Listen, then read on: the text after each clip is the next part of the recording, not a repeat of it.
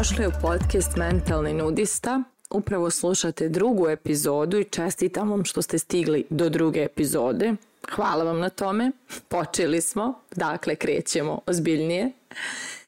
Upravo druga epizoda posvećena je temi koju sam ja nedavno razmišljala dosta, a to je da li smo problem ili smo rešenje. Ono što je inspirisalo ovu temu meni je činjenica da sam ja neko ko je izrazito kreativan i neko sam ko mogu reći živi neke svoje važne snove, a isto tako sam i neko ko jako dugo ne ostvaruje ni 5% svojih ideja, iako se to s polja tako baš i ne čini. Jer kada neko vidi da radim posao koji volim, da imam svoju kompaniju, da putujem po regionu, a često i negdje drugo sa svojim prijateljima ovako privatno, e, možda bi rekao da sam ja neko ko prilično onako radi sve što mu padne na pamet, ali suština je da su to samo neki, da kažem, obrisi svega onoga što ja nosim u sebi i da su to samo onako naj, e, da kažem, ideje koje su se najviše probile i, i najviše progurale da do, dođu na red, dok veliki, veliki broj drugih ideja nije nikada stigao do realizacije, jer prosto u meni postojala neka nes, nesigurnost, a i potreba da se dopadnem drugim ljudima, strah od osude, strah od neuklapanja i što je najzanimljivije, često je taj strah od osude bio usmjeren u tome da se ja plašim osude ljudi koji mi čak ni nisu ciljna grupa i koji čak nisu bitni za moj neki život i nisu dio mog svakodnevnog funkcionisanja, ali eto, nešto u meni, u mom unutrašnjem djetetu jako je željelo da se dopadne određenim ljudima. Tako da, kako sam nedavno prošla kroz neke uspone i padove emotivne, nakon tog nekog velikog dna uslijedio je neki ogroman uspon kroz koji trenutno prolazim I u tom usponu ja sam shvatila koliko toga ja imam da dam i koliko toga imam da pružim svojim znanjima, idejama, kreativnošću, a koliko zapravo malo toga dajem i sve vrijeme pretvaram sebe u nekoga kome je potrebno još podrške, još znanja, još mentora, još edukacija, još hrabrosti, još volje, još motivacije, ne znam čega sve ne još, da bih ja krenula da sve svoje ideje kanališem u realnost, odnosno da ih realizujem. I pošto e, jeli, nosim u sebi toliku količinu kreativnosti i ideja, a ne činim ništa da se one dese, ja na neki način postajem problem, odnosno neko kome je potrebna pomoć, više nego neko ko donosi rješenja drugima. Dakle, iako je moj posao takav da ja pružam rješenja, odnosno znanja koje ljude podržavaju da riješe i izazove u određenim odnosima i sami sa sobom i u svojim ciljevima i slično. I dalje opseg toga koliko ja uopšte pružam tog znanja i koliko sam ljudi obuhvatila u jednoj godini svog rada je izrazito malen u odnosu na to kolike su moje mogućnosti da to uradim. I samim tim sam nekako često i konstantno bila frustrirana što ne radim dovoljno, što ne postižem dovoljno, ali ne u nekim brojčanim uh, da kažem kriterijumima. Nije, nije mi ključ bio ni novac, nije mi ključ bio ni to jesu li mi grupe od 15 ili 500 ljudi, nego više u tome koliko ideja je u meni u odnosu na to koliko sam ideja pretočila u realnost. I taj opsjek, ta proporcija je bila vrlo neujednačena, gdje je broj neostvarenih ideja pa sigurno 90% u odnosu na broj ostvarenih, koji su činile samo 10%.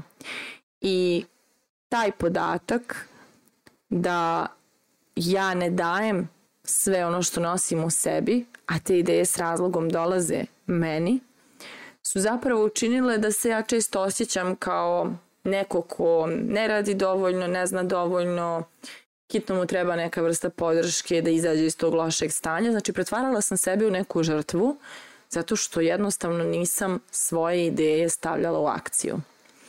E sad znam da se mnogi pronalaze u ovome, jer mnogo ljudi ima super ideje s kojima ne radi ništa I upravo zato sam odlučila da podijelim jednu perspektivu koja je meni došla, a koja može da bude izrazito korisna da vas pokrene.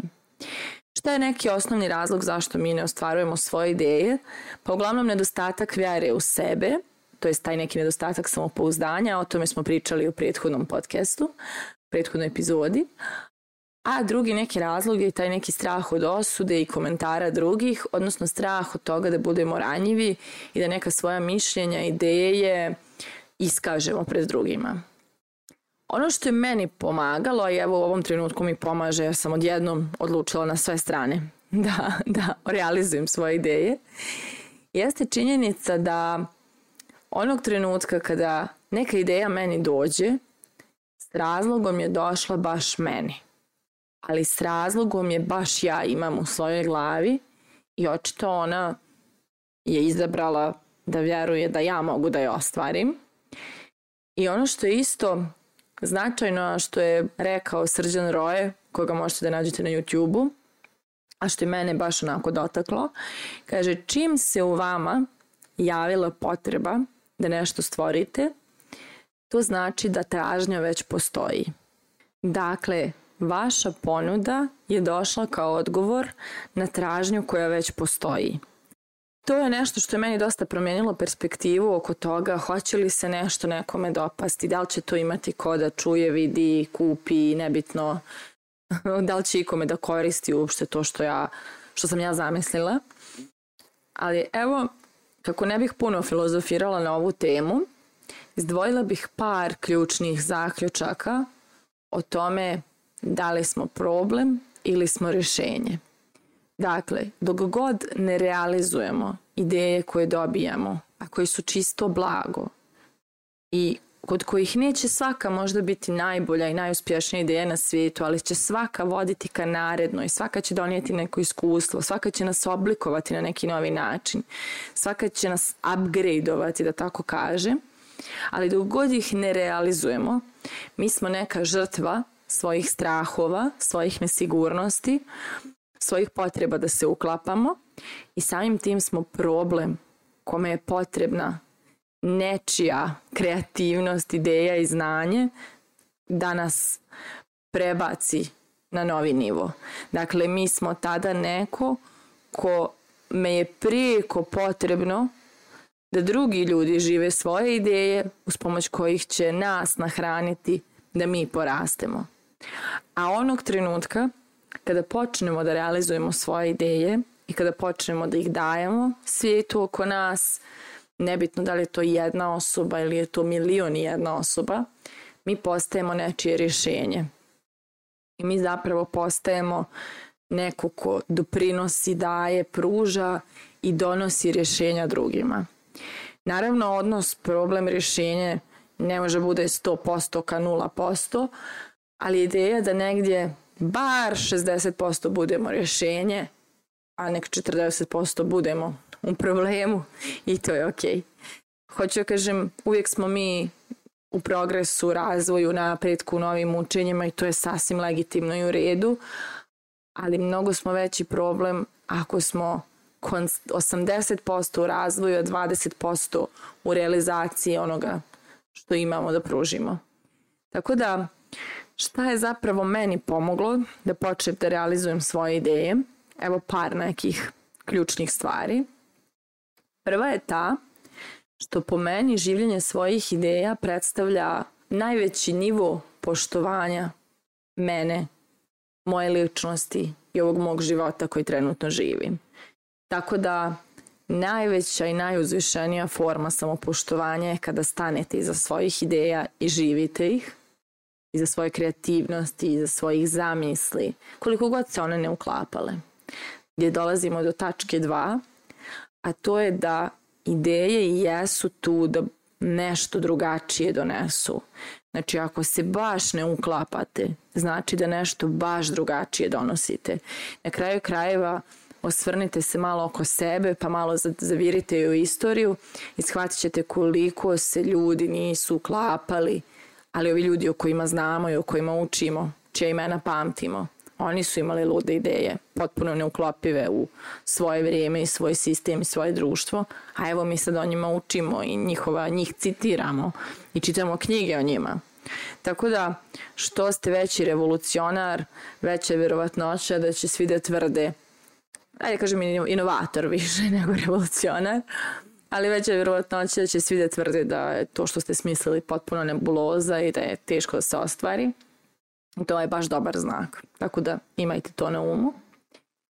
I neka treća stavka jeste da, da postavite sebi zapravo jedno pitanje koje je meni pomoglo, a to je da li vam je dovoljno da vaša ideja bude od koristi jednoj osobi ili de, da deset ljudi to ima koristi od toga. Da li ćete se osjećati super? Ako vam je to dovoljno, toliko ljudi ćete sigurno imati. Znači, ja vam potpisujem. I ja se sjećam svaki put kada sam imala ogromnu neprijatnost da podijelim neku ideju, mišljenje, stav, tekst, video i pomislila sam, ok, možda postoji samo jedna osoba koja će ovo da služi i onda ja to objavim i onda mi se javi bar troje ljudi u početku, sad mi se javljaju 20 ljudi mi se javi na, na svaku stvar koju, koju snimim i okačim. I samo jedna osoba kada vam se javi, vi se već osjećate ispunjeno i osjećate se kao da ste na vrhu svijeta zato što ste uradili nešto jako značajno i korisno. Nešto što je uticalo na druge na lijep način. Tako da to je nešto što vrijedi svakog rizika i vrijedi svakog izlaska iz zone komfora. I dodat ću na sve tu i četvrtu stavku, a to je sa svakim novim korakom koji napravite za sebe i za svoje ideje, vi toliko postajete puniji samopoštovanja, toliko snažniji, toliko hrabriji i toliko zadovoljniji sobom da to ništa drugo ne može da plati. Tako da, za kraj ovog podcasta postavit ću vam pitanje da li ste više problem ili ste više rješenje. Mislite o tome, a mi se čujemo u narednoj epizodi. Hvala na pažnji.